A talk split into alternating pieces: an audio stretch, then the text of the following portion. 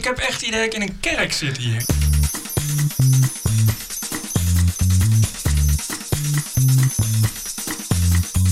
This is the TPO podcast. Ranting and Reason. With Bert Brusson and Roderick Phalo. Verfbommen, poeptaarten, vernielingen, vechtpartijen. Wat is het antwoord op dit soort geweld van links? Cultuurmarxisme. Ja, het bestaat, ondanks alle ontkenningen.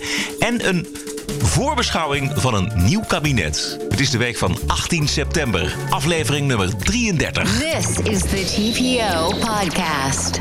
Bert en ik zijn eh, eh, niet alleen in de studio. We hebben een gast, Bart Nijman van Geen Stijl. Hartelijk welkom. Eh, tien dagen geleden is eh, Thierry Baudet weer bedreigd met verf en andere viezigheid. En we zien ook dat Antifa zich meer manifesteert, met name in Duitsland en in Amerika natuurlijk. Bart, zien we de drempel voor geweld lager worden? Laten we het niet overdrijven. Ik denk die, die, wat er bij Thierry op zijn voordeur gebeurde en, en achter zijn voordeur met eh kots en, en, en poep, is natuurlijk een verschrikkelijke intimidatie die, eh, waar je echt niet lekker bij wakker wordt als, je, als het je eigen voordeur is. Ja. Maar we kunnen dit nog echt geen schering en inslag noemen. Jawel, maar als je nou kijkt naar ook, ook, ook de, de groep van Antifa. Als je terugverwijst naar die G20, dat is altijd eh, eh, rotzooi en, en geweld en ellende. Dat is, dit was geen uitzondering. Het is alleen toevallig recentelijk gebeurd. Als je in de VS kijkt, daar is het wel erg. Ja, Daar, daar neemt het wel echt toe. En Dat is wel ik- nieuw, je ziet wel een risico dat het overwaait. Want er zit een bepaalde eh, misplaatste revolutiesfeer lijkt daarin te zitten... die door sommigen al hier met enige gretigheid wel geadopteerd wil worden. Ja. En eh, in de VS worden echt eh, ja, mensen mishandeld die eh, niet de juiste woorden spreken en eh, of de verkeerde mentaliteit hebben. En daar begint het geweld natuurlijk de andere kant ook weer op te slaan met die, eh, met die nazi in Charlottesville die op die antifa-demonstranten inreed. En daar, dat vrees ik wel een beetje dat dat In Europa valt het mee. Bert? Nou ja, ik vind wel dat je. Kijk, wat je ziet is natuurlijk dat er ook, ook vanuit de andere kant meer initiatieven zijn. Zoals Pegida, dat is ook nieuw. En als je hier, rest, destijds de slag om de Blauwbrug tussen Pegida en eh extreem links tuig. Ja, dat is toch. Het wordt wel grimmiger. Het is inderdaad niet, niet, nog niet zo gewelddadig. Het heeft ook te maken met dat er meteen eh, een heel leger aan mee tussen staat. Maar dat komt ook. Ja, die, die groepen die manifesteren zich meer, die zijn nieuw. Dus die, die reactie wordt er, wordt er ook op grimmiger. En ik denk dat dat in Duitsland ook is. Ik denk, ik denk wel dat het wel eh, excessiever was dan, dan in andere G20 gevallen. Omdat die groep gewoon zo groot is geworden. En de politie die kon daar niet eens helemaal op anticiperen. Ja, dat is denk ik wel waar. Ja. En ook, maar het, het werd ook zo gretig in het nieuws gebracht. Eh, eh, die, wa- wat mij meer stoorde nog dan die vernielingen, was de manier waarop degene die die vernielingen plegen, of degene die zich associëren met degene die die vernielingen pleegden, en dat geweld tegen de politie uh, entameerde, dat die zoveel ruimte kregen om hun verhaal te vertellen. Nou, over dat- hoe belangrijk het was om, om, om hun strijd te voeren. Terwijl ik eigenlijk geen enkel goed argument gehoord heb voor die strijd. Laat staan voor het geweld wat ze daarbij Dat gepleegd valt me hebben. wel op. Dat het eh, ook in, dat in de media daar. Dat, dat, ja, het is soms bijna goed praten. Is het morele steun vanuit de progressieve hoek? Dat vind ik echt. Ik vind echt dat de morele steun. dat die wel echt groeiende is. Het is in ieder geval niet, niet voldoende morele verwerping. Laat Nee, dat zo sowieso niet. Nee, nou, als je kijkt bijvoorbeeld naar wat er tien dagen geleden gebeurd is met Thierry Baudet. En je kijkt naar de reacties op Twitter, dan zie je. Ik heb bijvoorbeeld een, tweet gekregen van iemand eh, die schrijft: eh, Wie wind zaait, zal storm oogsten. Dat is iemand die eh, dat schrijft onder de naam Ik stem GroenLinks. Legendarisch is ook het, het, totale gebrek aan besef bij iemand als Waldemar Torenstra, acteur. Tien dagen geleden bij Pauw zei hij dit.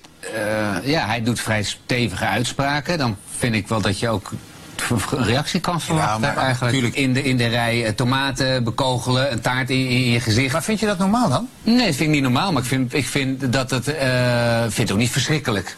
Maar een taart in je gezicht, hè? Er, zijn, er, er zijn die ongure linkse types die dat doen. Die, die Ja. bakken dan zo'n taart met poep en weet ik veel wat allemaal. Dat vind ik heel smerig. Ik vind het niet zo erg. Ja, ik vind het niet zo heel erg. Ik vond het grappig dat jij het heel, dat jij het Ja, ik echt vind een het soort, wel- ik vind- soort schending van de integriteit vond en dat daar, daar je eigen huis dat vind ik, eh, vind ik wel meevallen. Ik vind wel dat hier iets anders aan de hand is. En dat is de de, de morele radicalisering van al die kut-BN'ers. Dat heeft ook te maken dat ze zoveel een beeld zijn. En zo vaak eh, elkaar moeten overtreffen in deugen. Want dit is, eh, eh, kijk, dit, dit is, dit is niet nieuw. Dat zag je aan, aan net de Schuldeman die een sniper wilde bij de inauguratie van Trump. Dit is eh, wat uh, Georgina Verbaan doet als Rutger weer eens, uh, Rutger Kastrikum weer eens wordt lastig. Maar je kunt ook zeggen, dit is, dit is een totale naïviteit. Ik bedoel, hij weet Ja, niet hoe is- ernstig het is is. Het is, het is stupiditeit Ja. ja. Ik weet, ik weet eh, om te beginnen überhaupt niet wie die Waldemar uh, Torenstra Het is. is de man van eh Sophie Hulbrand. Het is een acteur, dus dat Oké, zegt nou ja, nee, ik, kijk, van. ik kijk nooit iets wat Terecht. Nederlands is en geacteerd wordt. Dus dat, daar weet ik echt niets van. Eh, maar het, het, is, het is een stupiditeit. Hij heeft geen idee waar de discussie over gaat. Hij weet alleen dat Baudet slecht is, want dat leest hij overal in de mainstream media. En en, hij, en eh, hij is kennelijk acteur, maar hij kan zich absoluut niet verplaatsen in een situatie dat jij beneden komt in jouw eigen huis en denkt: wat ruik ik hier? Wat ligt hier? En wat zit er hier op mijn Nee, voordeur? En, wat, en hoe, hoe dat op, wat, wat voor een inbreuk je dat op je kan maken. Maar misschien moeten we. Moet, ja, nee, ik, ik kan Nee, niet zeggen, niet zeggen: we moeten nu een keer bij Waldemar zelf aan gaan Nee, bellen met een hij is, taak van ook, hij is maar- ook ambassadeur voor Stichting Vluchteling. En is, gaat ook naar, eh, naar Griekenland om arme vluchtelingen te helpen. Behalve in zijn eigen huis. Weet je, dus dat dus. Eh, compassie kan die wel hebben. Ja, maar die compassie die is dus alleen als het dan de goede kans is. Lucratieve compassie Ja, is dat. precies. Als je daarmee kan scoren. Ja. Maar compassie voor Thierry Baudet, precies wat Bart zegt. Eh, hij heeft eh, gelezen en gehoord dat Baudet een fascist is en een racist en een seksist. Dan is het vast wel waar. En zoals de Amerikanen dan zeggen: punch Nazis. Ja, precies. Bart eh, constateert eigenlijk dat het nog wel meevalt in Nederland en in Europa. Als je dat vergelijkt bijvoorbeeld met Amerika. Ja, kijk, de, de sfeer is niet goed. Hè? Het is hier. Het wordt hier steeds minder gezellig, laat ik het zo zeggen. Die oud-Hollandse gezelligheid die is al een beetje uit het debat verdwenen. Maar eh, noem eens dan voorbeelden. De, Thierry eh, is zo'n voorbeeld. Nou ja, dat, Althans het geweld tegen hem. ja, maar dat is dus wel een van de weinige voorbeelden. Ik bedoel, er zijn, eh, je had die onfrisse eh, eh, videobewerkingen, cartoons over Sylvana bijvoorbeeld. Dat Ja. is ook, vind ik ook een vorm van misselijke intimidatie. Vooral die bungelende neger aan, aan die boom, zeg maar. Maar dat zijn nog, nog een beetje excessen. Alle andere dingen zijn alleen maar een beetje in, in, in taal. En eh, die blinken dan vaak uit in een gebrek aan argumenten. Dan wordt er gezegd, ja, we- er wordt wel lacherig gedaan over Baudet... maar we moeten daar niet om blijven lachen, zoals Harro Kraak in de Volkskrant Harro schreef. Dat is, een, dat is niet zozeer een oproep tot geweld... als wel een gebrek aan tegenargumenten. Hij wordt boos over het feit dat er gelachen wordt om Baudet. Terwijl ik denk, ja, het is, het is nog steeds een beetje een... een, eh, een, een een wat onzijdige jonge man die eh, zich over piano's drapeert en zich op die manier laat fotograferen. Maken jullie je dan echt niet, niet druk over de agressie die er Ja, plaatsvindt? oh, jullie. Weet je, ik, eh, Bart spreekt voor zichzelf, hè? Ja. Oh, ja. Jij wel. Bert maakt zich wel druk. Ja, ik wel, maar ik ben niet zo, eh zo vreedzaam en positief als Bart. Ik ben er veel cynischer in. Ik, maak, ik denk wel dat het erger is geworden. Het begon 15 jaar geleden met Fortuyn en dat is gewoon alleen maar doorgegaan. En het feit dat er niemand eh, eh, meer is omgelegd, bijvoorbeeld Wilders heeft ook te danken aan de grote, betere beveiliging die we na Fortuyn wel hebben eh, gedaan voor eh, politici. En ik vind... wat er, wat er geschreven, eh, vooral geschreven wordt, vooral op Twitter en social media, kun je nou niet echt zeggen dat mensen geleerd hebben van de demonisering van Fortuyn. Nee, maar Misschien misschien, politici misschien, wel, ben ik wel, meer. misschien ben ik wel nog cynischer dan jij. En denk ik dat daar ook überhaupt nooit iemand van zal leren. En dat dat in golfbewegingen gaat. En dat er af en toe iemand is die het mikpunt wordt. En dat er dan heel soms een perfecte storm ontstaat. waarin eh, zo iemand ook fysiek geweld wordt Maar ik, aangedaan. ik vind wel. Ja, maar wacht even. Dat, dat, dit- gaat dus, dit is wel een stap verder weer. Hè? Nou ja, ik zeg niet, het, het kan prima gebeuren. Ik maak me af maar wat, het kan prima gebeuren dat, dat, dat de Baudet iets wordt aangedaan. Nou ja, als de Wild belt, zou ik niet opnemen als ik Baudet was. Als iemand die vergezo- vergezochte grap eh, begrijpt. Nee, maar we, we hebben het over een, een, een land, Nederland, eh, waar eh, één politicus sowieso al 24 uur per dag wordt bewaakt. Eh, straks eh, komt er iemand bij, misschien wel eh, Baudet. We hebben een politicus gehad die is omgelegd. We hebben een cineast gehad die is uh, Ja, afgeslacht. ja. Ja, ja. Maar Waarna zijn, eh, zijn muze de, de- het land uit moest vluchten. ja. Ja. er hoeft maar iets te gebeuren en je komt in die perfecte storm terecht. Nou, ja, ja, ik- maar dat is mijn cynisme. Dat die perfecte storm, die komt wel weer een keer. Alleen ik, heb, ik, ik zie dus niet per se een hoger of lager toontje eh, in die demonisering, om, om dit woord maar te gebruiken, dan er al was. Het is gewoon, het gaat altijd zo door. Nou, we hebben, we hebben Twitter. Dat is natuurlijk wel een extra medium. Waardoor, Ja, die, waardoor, waardoor die haat veel zichtbaarder wordt. Dus, maar daar krijg je dus dat, hè, zo- zoals ja, dat soort D66'ers in Amsterdam hebben we Jan Bert Vroeger die dat soort dingen doet. Het zijn mensen die op Twitter de meest, meest treurige haatkots volstorten. En tegelijkertijd wel politicus zijn. Maar die had je natuurlijk vroeger ook, alleen zag je dat niet. De maatregelen die in Duitsland worden genomen tegen eh, eh, politiek extremisme zijn, zeker de laatste half jaar eh, behoorlijk geweest. Eh, er is een eh, website uit de lucht gehaald. De extreem linkse website Indie Media. Ehm, er zijn allerlei maatregelen die daar genomen worden richting eh, Facebook en Twitter. Is, is dat een overdreven reactie? Nou ja, dat is gewoon een inperken van de vrijheid van meningsuiting. Sterker nog, je bedoel, eh, het feit dat je nu weet wie, wie de deur van Baudet beklad heeft, is te danken aan het, aan het feit dat ze dat allemaal leuk gewoon ook. Dat was ook van Indie Media, Ja. de Nederlandse tak kennelijk. Ik bedoel, dan weet je tenminste, je moet dat, hoe openbaar dat is, hoe meer je ervan weet. Dus echt, bedoel, als je dat gaat verbieden, dan, eh, ja, dan weet je straks ook niet meer wie wie is. Nu weet je in elk geval. Ja, precies. de Het, daders het, zijn. het smoren van die geluiden eh, door ze uit de publieke ruimte te filteren... wil niet zeggen dat die geluiden dan in zijn geheel verdwijnen. Ik heb liever, liever daar zicht op. Dus meer vrijheid van meningsuiting, meer uitingsmogelijkheden. Ik bedoel- Ook om het in context te kunnen zien. Want eh, je haalt het voorbeeld aan van hoe Facebook en Twitter in Duitsland... eh, nou, censuurwetten opgelegd krijgen Yep. eigenlijk. Die, die zijn niet bedoeld om... om eh, om, om linkse geluiden of zo te smoren, maar juist om migratiekritiek en dat soort dingen. En dat wordt dan gedaan aan de hand van, van wat dan altijd omschreven wordt als haatcomments op, van Facebookers en zo. Ja, het klopt. Er zijn ook in Nederland heel veel wat simpelere mensen die, eh, volgens mij heb ik dit hier al een keer eerder zo gezegd, eh, niet de retorische begaafdheid hebben om hun kritiek en emoties op een normale manier onder woorden te brengen. En dat dan gieten in bot taalgebruik of, of opruiend taalgebruik of zelfs eh, enigszins geweldsverlekkerend taalgebruik. Maar dat is eh, ik vind het verschil altijd heel groot tussen een Haro Kraak in de Volkskrant, die je toch mag beschouwen als een slim persoon, hoog opgeleid waarschijnlijk, die in een, in een eh, intellectuele krant met een groot bereik, eh, kwaliteitskrant zoals ze dat noemen, eh, gewoon met droge ogen opschrijft dat je niet meer moet lachen om Baudet, maar dat we wat moeten doen. Dat vind ik gevaarlijker dan een of andere domme bouwvakkertokkie die eh, iets heel naars over Sylvana zegt, omdat hij het gewoon een kutwijf vindt. Yep. En omdat, hij, en omdat hij weet, als je die wil raken, nou, dan doen ze zwart, dus dan zeggen we iets over de afkomst. En dan zeggen we, je bent een aap, ga terug naar je eigen boom, zoiets. En dat is dom en achterlijk, maar dat is iets anders dan een, dan een, eh, in een, in een Volkskrant column verpakte, op, laten we zeggen, een soort van intellectuele grondslag gebaseerde oproept om niet met te lachen om Baudet, maar in actie te komen. Maar Kraak is niet de enige. Maar, een- maar zo'n Duitslandwet, om het verhaaltje rond Ja. te maken, eh, eh, is niet bedoeld om de Haro Kraaks aan te spreken op wat zij eh, be- opschrijven en te vragen wat bedoel je daarmee en zou je dat wel zo schrijven. Maar juist om die bouwvakker het zwijgen op te leggen.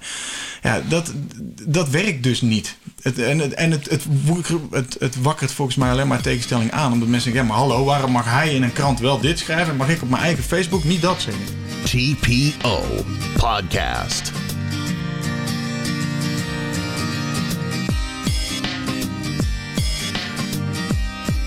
Op de universiteiten in Amerika en in Europa wordt al 40 jaar de klassenstrijd van Marx onderwezen. Het hele debat over economie en sociale vraagstukken gaat over gelijkheid, of in ieder geval over de strijd tegen ongelijkheid. En toch willen mensen niet in de hoek van het cultuurmarxisme terechtkomen. een label wat constant wordt geplakt.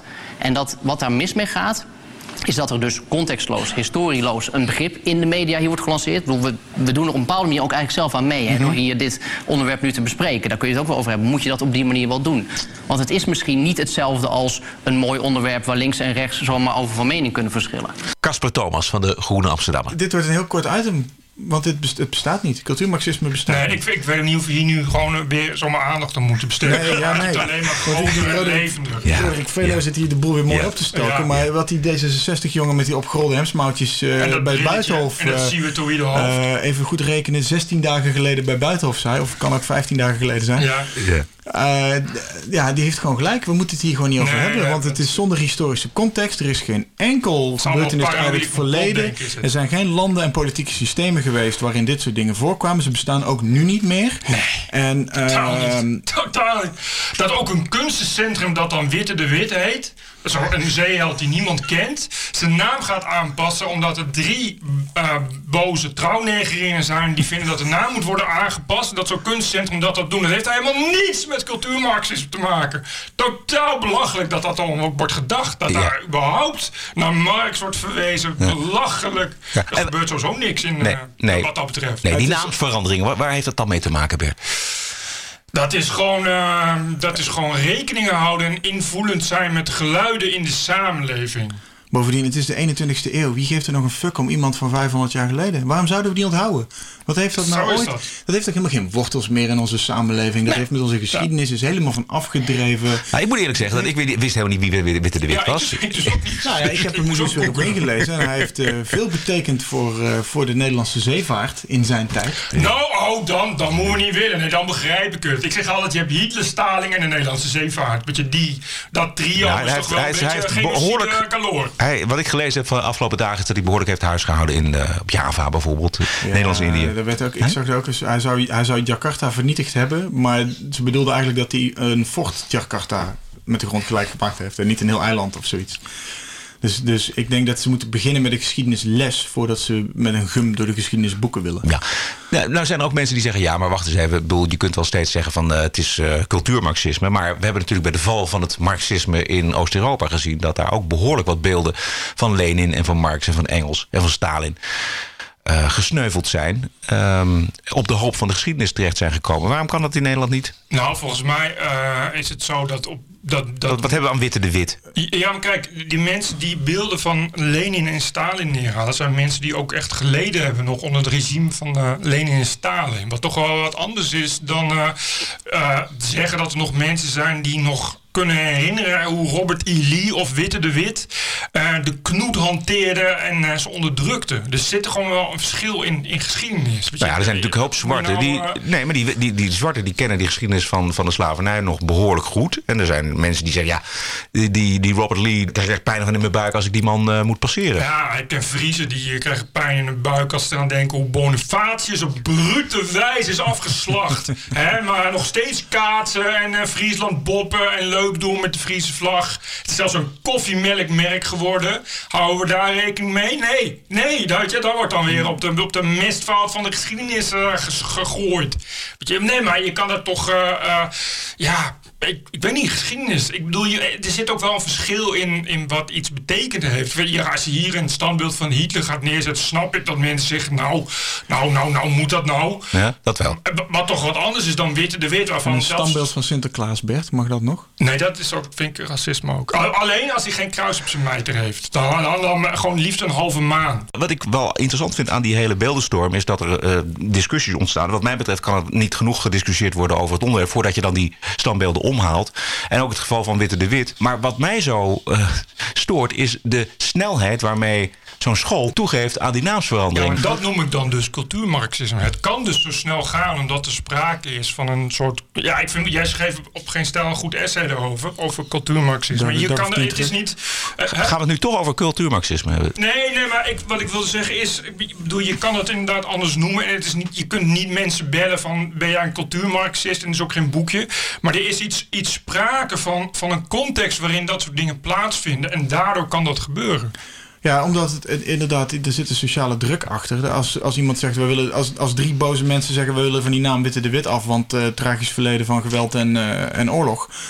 Eh, en zo'n school zegt dan vervolgens meteen, oh ja, laten we dat maar doen. Want op het moment dat zo'n school, of wat is het, debat en kunstencentrum, op het moment dat die zeggen, ja nee, daar, wil, daar beginnen we niet aan, dan ben je meteen fout. Want dan ben je Ja. dus een verdediger van racisme of zo. Er zit een sociale druk op, die dus ook door de kranten en de, en de media, de mainstream media, be- behoorlijk gesteund wordt. Eh, omdat die steeds ruimte geven aan de klacht, maar niet aan het verweer. Precies, dus het, debat wordt niet eens meer afgewacht. Nee, Exact. mensen zijn gewoon meteen bang om gebrandwerkt te worden als. En, eh, en, en, en, en dan gaan ze dus maar contempleren om inderdaad die naam te veranderen. Om van het gezeik af te zijn. Precies. Omdat ze denken, ja, nou, oké, hoe de hell cares? Niemand weet nog wie Witte de Wit is. Alleen het, het onderliggende daarvan is dat je dus inderdaad jezelf eh, wegsnijdt, wegbijtelt. je eigen historie ontwortelt. In een zekere zin. Ja, zonder, zonder debat, zonder discussie, zonder... eh, Nou, sterker nog, als er 6 miljoen mensen zeggen dat ze wel Zwarte Piet willen houden, weet je, dan zijn, het allemaal, dan zijn ze allemaal racist. Eh, en, ah, maar, weet je, en dat is natuurlijk. ah, je- ja, je- het je- is je had- 6 miljoen, het dubbele. Nee, ja, maar precies. Maar je zou dus een, een, eh, een, een kunstencentrum hebben dat, eh, dat Sylvana Simons Kunstencentrum heet. En dat er dan eh, eh, die d- drie blanken komen en zeggen, nou, we willen graag een andere naam. Wat denk je? Dat ze dan ook zeggen, ja, nee, daar, ga- daar is een gevoeligheidje, daar gaan we rekenen mee. Het is dus, het is dus eenzijdig. Het zit dus in een bepaalde hoek. En dat is een soort, inderdaad, een soort linkse, linkse eh, ja, beetje, beetje totalitaire hoek. ja. Wa- waarin mensenrechten en identiteit en huidskleur en dat soort dingen tot een soort, tot een soort, tot een soort absolutisme worden verheven. Hysterische appeasement van Ja, minderheden is precies. En dat is dan, dat, dat noem je dan cultuurmarxisme. Eh, Niemand wil minderheden hun recht op aanwezigheid, eh, profilering, eh, ontwikkeling in deze samenleving ontzeggen. Ze hebben allemaal dezelfde rechten en plichten en verantwoordelijkheden als wij. Eh, maar op een of andere manier hebben ze daar niet genoeg aan en komen ze dan toch eisen dat wij standbeelden moeten verwijderen, namen moeten veranderen, bepaalde dingen niet meer mogen zeggen, niet meer mogen doen. eh, eh, dat de, de autochtone bevolking en dan met name het mannelijk deel hier gebrandmerkt wordt als een soort patriarchale onderdrukker die per definitie racistisch is. En daar mag je dan ook niet tegen ingaan. Wat, wat, wat, hebben wij, wat ontzeggen wij die mensen ooit om, om hun mening te geven, om zich te ontwikkelen, om mee te doen? Om, Maar Bart, dit is wel te veel te inhoudelijk, denk ik, voor mensen die eh, in de cultuurmarxistische hoek zitten. Want bij hen gaat het uitsluitend, en daar gaat het marxisme natuurlijk over, over onderdrukkers en onderdrukten. En als je die niet meer vindt tussen bezitters en de arbeidersklasse, dan zoek je naar culturele, sociale groepen. Ik heb een tijd terug, eh, meer dan tien dagen geleden, ruim meer dan tien dagen geleden, met Anne Fleur Dekker eh, koffie gedronken. en een biertje. Ja, want die hebben wij voor geen stijl een keer gevraagd van kom lekker kom schrijf bij ons. Als je dan zo'n grote mond hebt, kom het allemaal uitleggen. Heeft ze dat gedaan? Eén één column. En toen ging ze met een hoop poeha meteen weer weg. Omdat eh, haar eh, Peet, eh, peetvader Francisco van Jolen... net zeggen, eh, mocht niet van de VARA. ja, nee, nee, niet kreeg, zij is door haar hele eigen kliek is ze verketterd. Omdat ze met de fascisten van het Roze Blog eh, en dergelijke... Wij zeiden, kom maar aan boord. En het maakt ons niet uit welk geluid je hebt. Dus je het maar goed opschrijft. Of probeert goed op te schrijven. En eh, nou, zij werd... eh, maar goed, zij vertelde mij in dat gesprek... ehm, eh, dat ze heus wel wist dat er bijvoorbeeld met de islam... dat daar wat rare randjes aan zitten. En dat het, eh, eh, dat, het ook een heel... pat- Want ik zei, je loopt zo te hoop tegen het witte patriarchaat zogenaamde witte patriarchaat. Maar kijk eens naar de islam. Alsof als je echt patriarchie wil vinden, dan moet je daar kijken. Die binden hun vrouwen in vuilniszakken of, of in ieder geval met een doekje op het hoofd. En ze mogen niet buiten komen. Ze moeten vijf meter achter de man lopen. Ze mogen nog niet met een schuin oog naar een ander kijken. Noem dat maar geen patriarchaat. En toen zei zij... Ja, eh, dat weet ik wel. Ik zie dat ook wel. En ik vind het eigenlijk ook niet goed. En als vrouwen er zelf voor kiezen om een kaap aan te trekken, dan wil ik dat steunen. W- Wurmden ze er ook nog ergens in. Maar ze uiteindelijk is, eh, zijn de moslims wel de grootste onderdrukte groep. Kijk. En daar komt het iedere keer op neer. Het, iedere keer gaat het over de groep die het meest onderdrukt wordt. En we hebben er overigens keihard uitgelachen met het meest onderdrukte groep. Het is de groep die momenteel met de meeste eh, toewijding ruimte opeist in deze samenleving.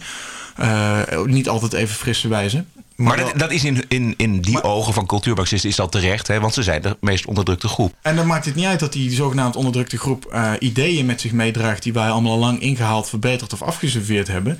Eh, of inhoudelijk weerlegd of, of ons gewoon überhaupt niet meer, mee, niet meer aan willen wagen. Homo-haat, antisemitisme, eh, misogynie. Allemaal dingen die wij allemaal al lang verleerd en achter ons gelaten hebben. En proberen zo min mogelijk te doen. Omdat als je het wel doet, je door je, door je omgeving eh, eh, de maat wordt genomen. En terecht. Eh, en zij wil dat toch op een of andere manier propageren. Omdat ze dus de groep die hier de dienst uitmaakt en de regels heeft neergelegd. Eh, eigenlijk veel erger vindt. Want dat zijn onderdrukkers. Je hebt dan koffie met eh, Anne Fleur. Hoe ga je dan uit elkaar? Is dat... Nou ja, ik, eh, ik heb dat allemaal een beetje, een beetje stilgehouden. Want ik wilde haar ook niet te hard. ze was ver enough om te komen, om te komen drinken. Maar, Op de redactie? Nee, we gingen naar Wildschut. Ik vond het wel grappig om haar een meisje uit Blarikum in Oud-Zuid naar een... en we hebben daarna bij... eh, ik had Theodor Homman, daar had ze destijds eh, mot mee over die ene column van hem, eh, waarin hij haar min of meer de liefde verklaarde. En zij, zij riep dat ze min of, min of meer verkracht was door hem. Homman erbij gevraagd nog. En het was eigenlijk best wel gezellig. En we hebben ook echt gelachen. En ze gaf ook behoorlijk wat toe. En ze was, ze was best wel nuchter en redelijk. En, Ja.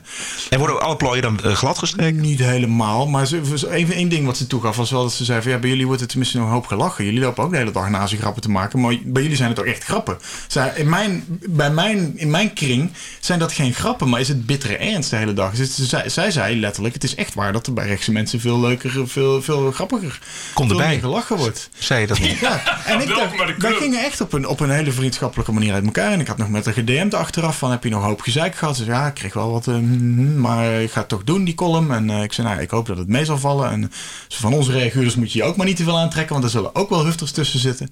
En ze leverde die eerste column in, die best wel stoer was. Van, nou, ik ben het meisje van eh, extreem links en ik kom bij jullie op het voetbalveld en eh, kom maar op. En dat vond ik best, eh, ik, ik vond het leuk. En ik was ook benieuwd naar wat ze zou kunnen leveren. Want ze was natuurlijk nogal snel van het stenen gooien op Wilders en Baudet is fascist roepen. Zonder dat er al te veel grondslag onder lag. Dus ik dacht, kijk of het er lukt om het in een column wat meer fundament te geven.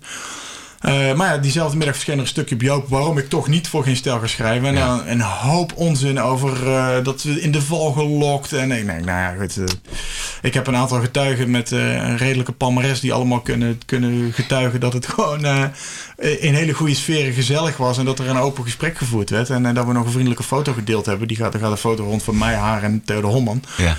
Uh, die foto is gemaakt door Hans Theeuwen, om nog, om nog maar iemand te noemen die erbij zat. Die kan bevestigen dat het allemaal heel gezellig was. En uh, uh, ja, zij maakte ervan dat ze in de val gelokt was. En dat, ze, dat we haar probeerden erin te lokken. En dat we haar bedreigd hadden om dit te doen. En onder druk hadden gezet. Wow. Allemaal kolder. En het enige wat wij daaruit konden deduceren is... Ja, ze heeft in haar eigen kamp... Toen ze weer terug zat in de krakerspand boven een, boven een blik koude pasta... heeft ze gewoon de wind van voren gekregen. En gezegd, jij gaat niet met die nazi's en die fascisten. En, uh, en, en, al dus heeft ze zich toch maar teruggetrokken. She need a red pill. maar het is wel... dat beetje sectarisch waarin, ik had waar, zij zich, had, waar zij zich in begeeft. Ik had mij. bij haar persoon het idee dat zij gewoon echt wel slimmer is dan dat. En dat zij echt wel voor reden vatbaar is. Ik vond het, ik vond het oprecht een aardige chick. Ja. Heb je, heb je, daarna nog contact met haar gehad? Nee, niet meer. Ik heb haar ook op ontvolgd op Twitter, want ik was, vond het een teleurstelling. Denk ik van. Ze heeft nu vandaag ook weer gezegd, uh, of ik bedoel tien dagen geleden ook weer gezegd dat... Uh, dat, dat, dat uh, de bekladding van de voordeur van Baudet dat dat een goede zaak was. Ja, het, ja, ja. het was toch geen kogel?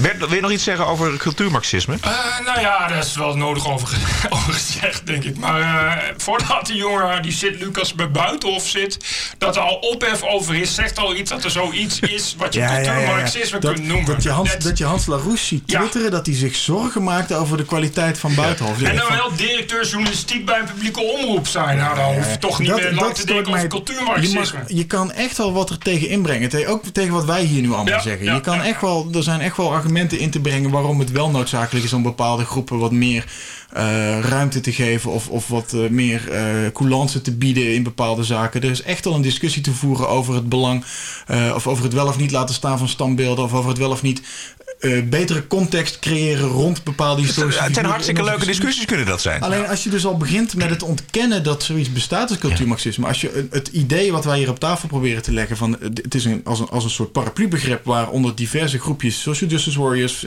uh, postmodernisten, feministen, beroepsmoslims, uh, Sylvanaoïden, gloriawekkers, die, die zijn samen te vatten. Bepaalde dingen die zij zeggen en doen, bepaalde grondslagen onder wat zij zeggen en doen zijn samen te vatten onder een term die je bijvoorbeeld cultuurmarxisme zou kunnen noemen. Je kan het ook uh, hardcore gelijkheidsdrammen noemen.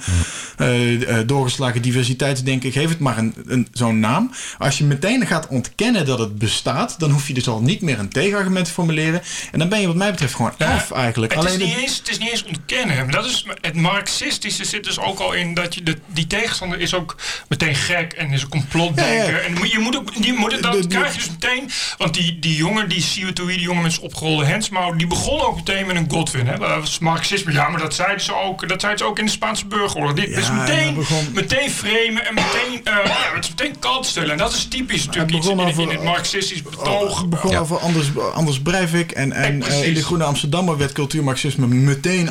Afgeschreven als een, uh, een, een complottheorie van paranoïde ja, recht. Dan... Kom nou toch. D dit gesprek over cultuurmarxisme had niets met cultuurmarxisme te maken. Nee. TPO Podcast. Zou het er al zijn? Wat? Het nieuwe kabinet? Oh, dat is een interessante vraag. Want wij moeten natuurlijk net doen alsof deze podcast ongeveer gisteren is opgenomen. Terwijl het al tien dagen geleden is. En Precies. Die, dagen tijd die vier partijen hebben nog tien dagen de tijd om een uh, kabinet te breken. ja. Zou het, zou het lukken in, in tien ik, dagen? Ik, ik, heb niet zo heel veel gehoord ook daar nog over. Of, oh nee, dat was la, ja, de, oh nee, dat was de kabinetscrisis van het huidige kabinet. Ja, de ministers, de ministers zijn toch verdeeld nu? De grap is dat, dat, dat zelfs de media een beetje klaar zijn met het formatiewatchen. Want ze kwamen ja. ook niet verder. Ja. Oh, vandaag lunchen ze hier. En, en uh, gisteren droeg Pechtel deze polo. Ja. En, en, het is, ja, ik heb gelezen. van Rutte. Ik las, ik weet niet of het waar is, maar ik las op Twitter wel dat er al een, een ministersverdeling is. Zes voor de VVD, ja, vier voor de CDA, uh, ja? week. vier voor D66 en twee voor de ChristenUnie. Welke twee? Oh, zelfs dat. ChristenUnie. Uh, die, ja, zelfs die aantallen al. Ja, die aantallen. Maar niet welke posten. Niet ja, de, welke ik posten. was alleen dat er nieuwe posten komen. Dus er komt de minister van Klimaat. Dus dat wordt een soort van Lilianne Ploemen overdrijfpost wordt dat. Want dat wordt natuurlijk nog... Want, De ja, minister van Klimaat ja, maar die moeten dus... Die van gaan- Nederland gaat, het, gaat de klimaatverandering Nou tegenhouden. ja, precies. Dan krijg je dus allemaal dat ze van die kolder gaan debiteren. Of in ieder geval, ik, ik, ik wil niet per se klimaatontkenning, eh, ontken, de ontkenner gaan uithangen. Ik denk heus wel dat er klimaatverandering is. Alleen ik heb grote vragen bij hoe dat dan gebeurt, wie daar verantwoordelijk voor is. En zeker bij of we daar überhaupt wel iets aan kunnen doen. Vragen bij het beleid vooral. Ja, bij Maar het beleid, bij de geldstromen. maar wacht bij- even, Bart, daar, jij, jij hebt gehoord dat daar een minister voor komt? Ja, daar komt de minister van Klimaat, de minister van Integratie of Immigratie. Ja, er komen wel nieuwe posten, dat was ook. Dit, dit niet, maar... Maar, maar, die, maar die zo'n klimaatminister gaat dus alleen maar de hele dag eh, vullen met kwarts en kolder. Want het is natuurlijk helemaal geen feitelijk ministerie. Het is helemaal geen. je- wat- ja, het gaat over. Ik bedoel, het kan allemaal prima onder economische zaken en landbouw. Want daar gaat de meeste klimaatdingen gaan daarover. En de rest gaat over, over eh, fossiele brandstoffen. Nou ja, die gebruiken we voorlopig nog wel. Dat we er vanaf willen, weten we allemaal al. Ja. Iedereen moet uiteindelijk een Tesla kopen en een zonnepaneel op zijn dak schroeven. Dikke prima, maar daar heb je geen minister voor nodig. Nee. Maar waar ik zelf Maar heel erg... Ja? Formatie wil je het hebben. ja, precies. Want ik, waar ik... Kijk, laten we even vanuit gaan dat het kabinet er is.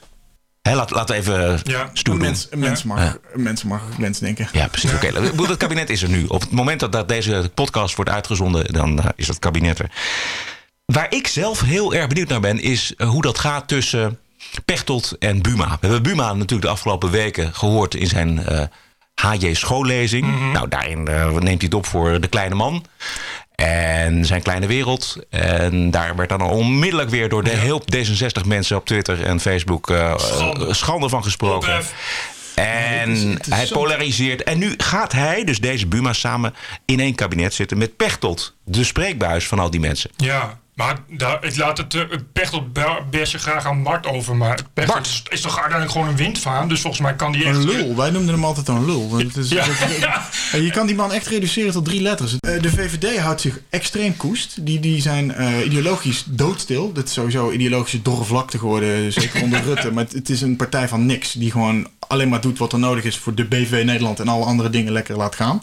Geen enkele serieuze maatschappelijke discussie komt er voort uit die Die, partij. die Robin Linschoot is ook VVD, hè? Ja, ja eh, even, de- even, even, Ome- gewoon even Anne zomaar Fleur, tussendoor. Ja. Ja, ja de oom van Anne Fleur, even voor de duidelijkheid. Maar, eh, wat ik zeggen, wat ik zeggen. Eh, het CDA profileert zich wel vrij sterk. Dat deed Buma met die schoollezing inderdaad. Het is heel erg stoffige jaren 50 preek natuurlijk over eh, de hoekstenen en eh gezinstoestanden. Oké, maar daar is ook een wel, markt maar voor. wel met een begrip voor, voor een bepaalde saamhorigheid die onze maatschappij noden mist. En die alleen maar minder lijkt te worden.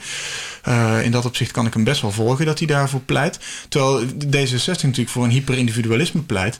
Maar die hebben al hun kroonjuwelen en stokpaardjes allemaal achter zich gelaten en verbrand. En eh, nog een keer overheen gepist en, eh, en, en nog een paar dansjes opgedaan ook. Om alleen maar te blijven staan met eh voor het leven en dat donording. Twee dingen waar je die christenen juist mee, die soort hyperindividualisme representeren. Eh, maar waar je die christenen enorm mee op de kast krijgt natuurlijk. Het wordt het meest liefdeloze kabinet wat we in, in, in decennia gezien hebben natuurlijk. Nou, PvdA en VVD was Want het natuurlijk. Nou, nee, dat, dat- persoonlijk was dat best wel goed. Dat is waar, ja. Maar zou... zou Ja, maar dat komt omdat Rutte zo makkelijk. Ja. En omdat er gewoon Ja. de, de VVD gewoon iedere keer het geluk gehad heeft dat, eh, dat alle klappen op de PvdA vielen. En dat die vervolgens met, met zichzelf ruzie gingen maken. En dat de VVD daar heel weinig last van Noem had. je dat nou geluk? Ik noem dat strategie. Gewoon op tijd bukken, zodat alles bij de PvdA Ja. Nee, maar het was, het was vooral natuurlijk een, een, een klik tussen Samsom en eh, Rutte. En maar die, die, die klik zien we in dit kabinet helemaal niet. Want er is ook geen klik tussen Rutte en Buma. Nee, maar. Helemaal niet. Nee, Rutte heeft hem lopen afzeiken eh, op dat VVD-congres.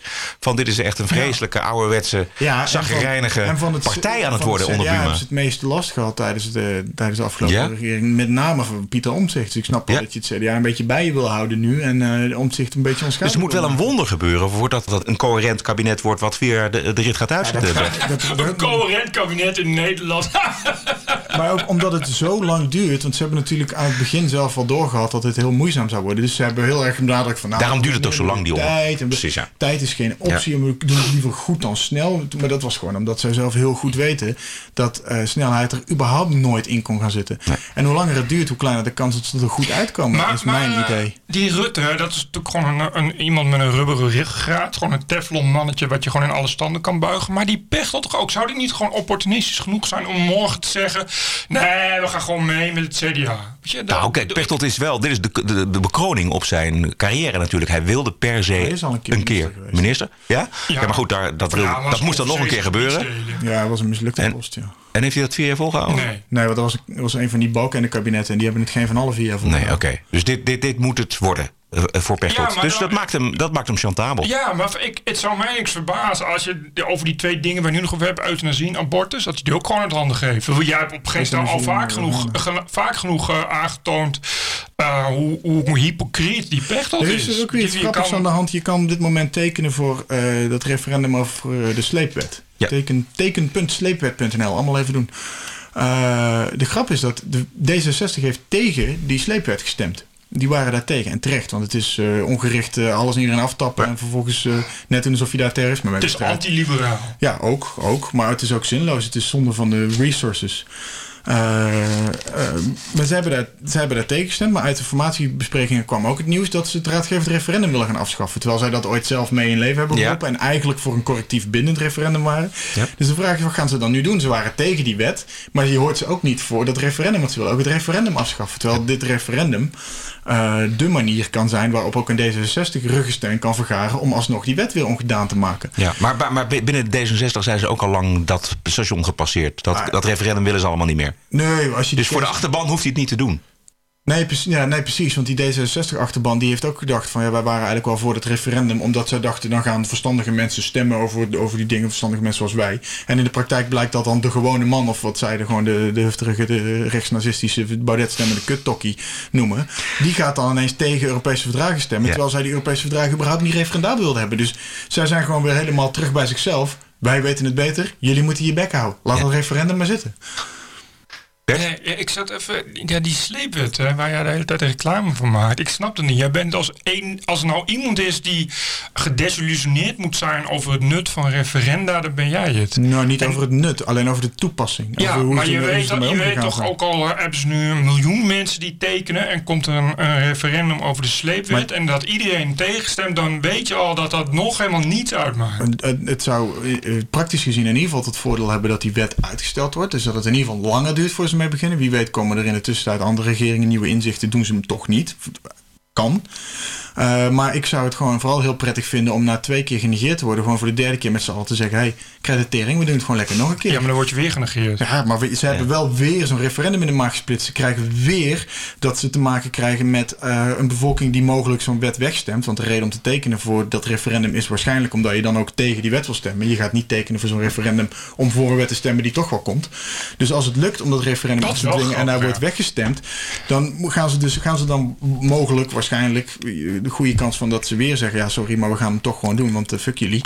En dat ze, dan weer, dat ze dan weer aan heel Nederland laten zien: ja, jullie stem telt eigenlijk helemaal niet. En jullie democratie is geen kut meer waard. Ja. En ik hoop dat dat uiteindelijk toch tot een bepaalde, eh, ik benadruk, democratische revolte gaat leiden. Waarbij we eh, allemaal beter af zijn. Omdat we al dit soort huigelaars, leugenaars en eh draaikonten. die voornamelijk bij D66 en de VVD geparkeerd zitten momenteel.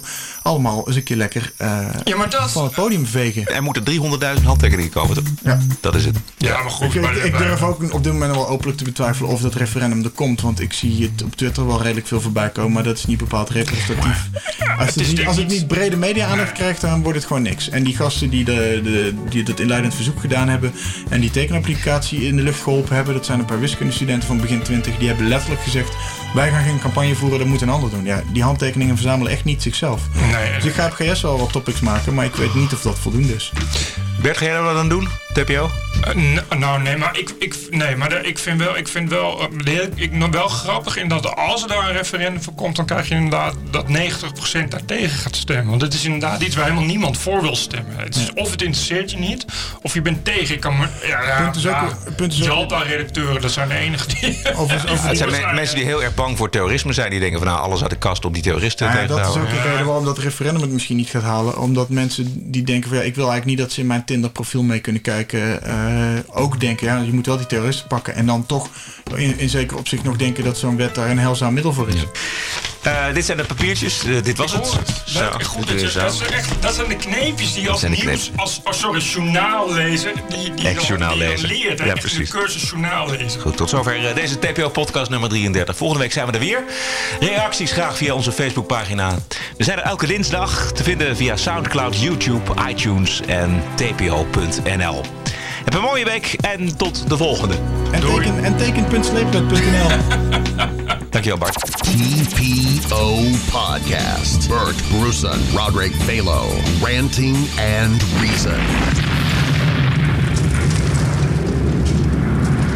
Er ligt hier een grap over Bert's stem op de loer, maar ik durf hem niet te maken. Doe maar wel, Bart. Godverdomme!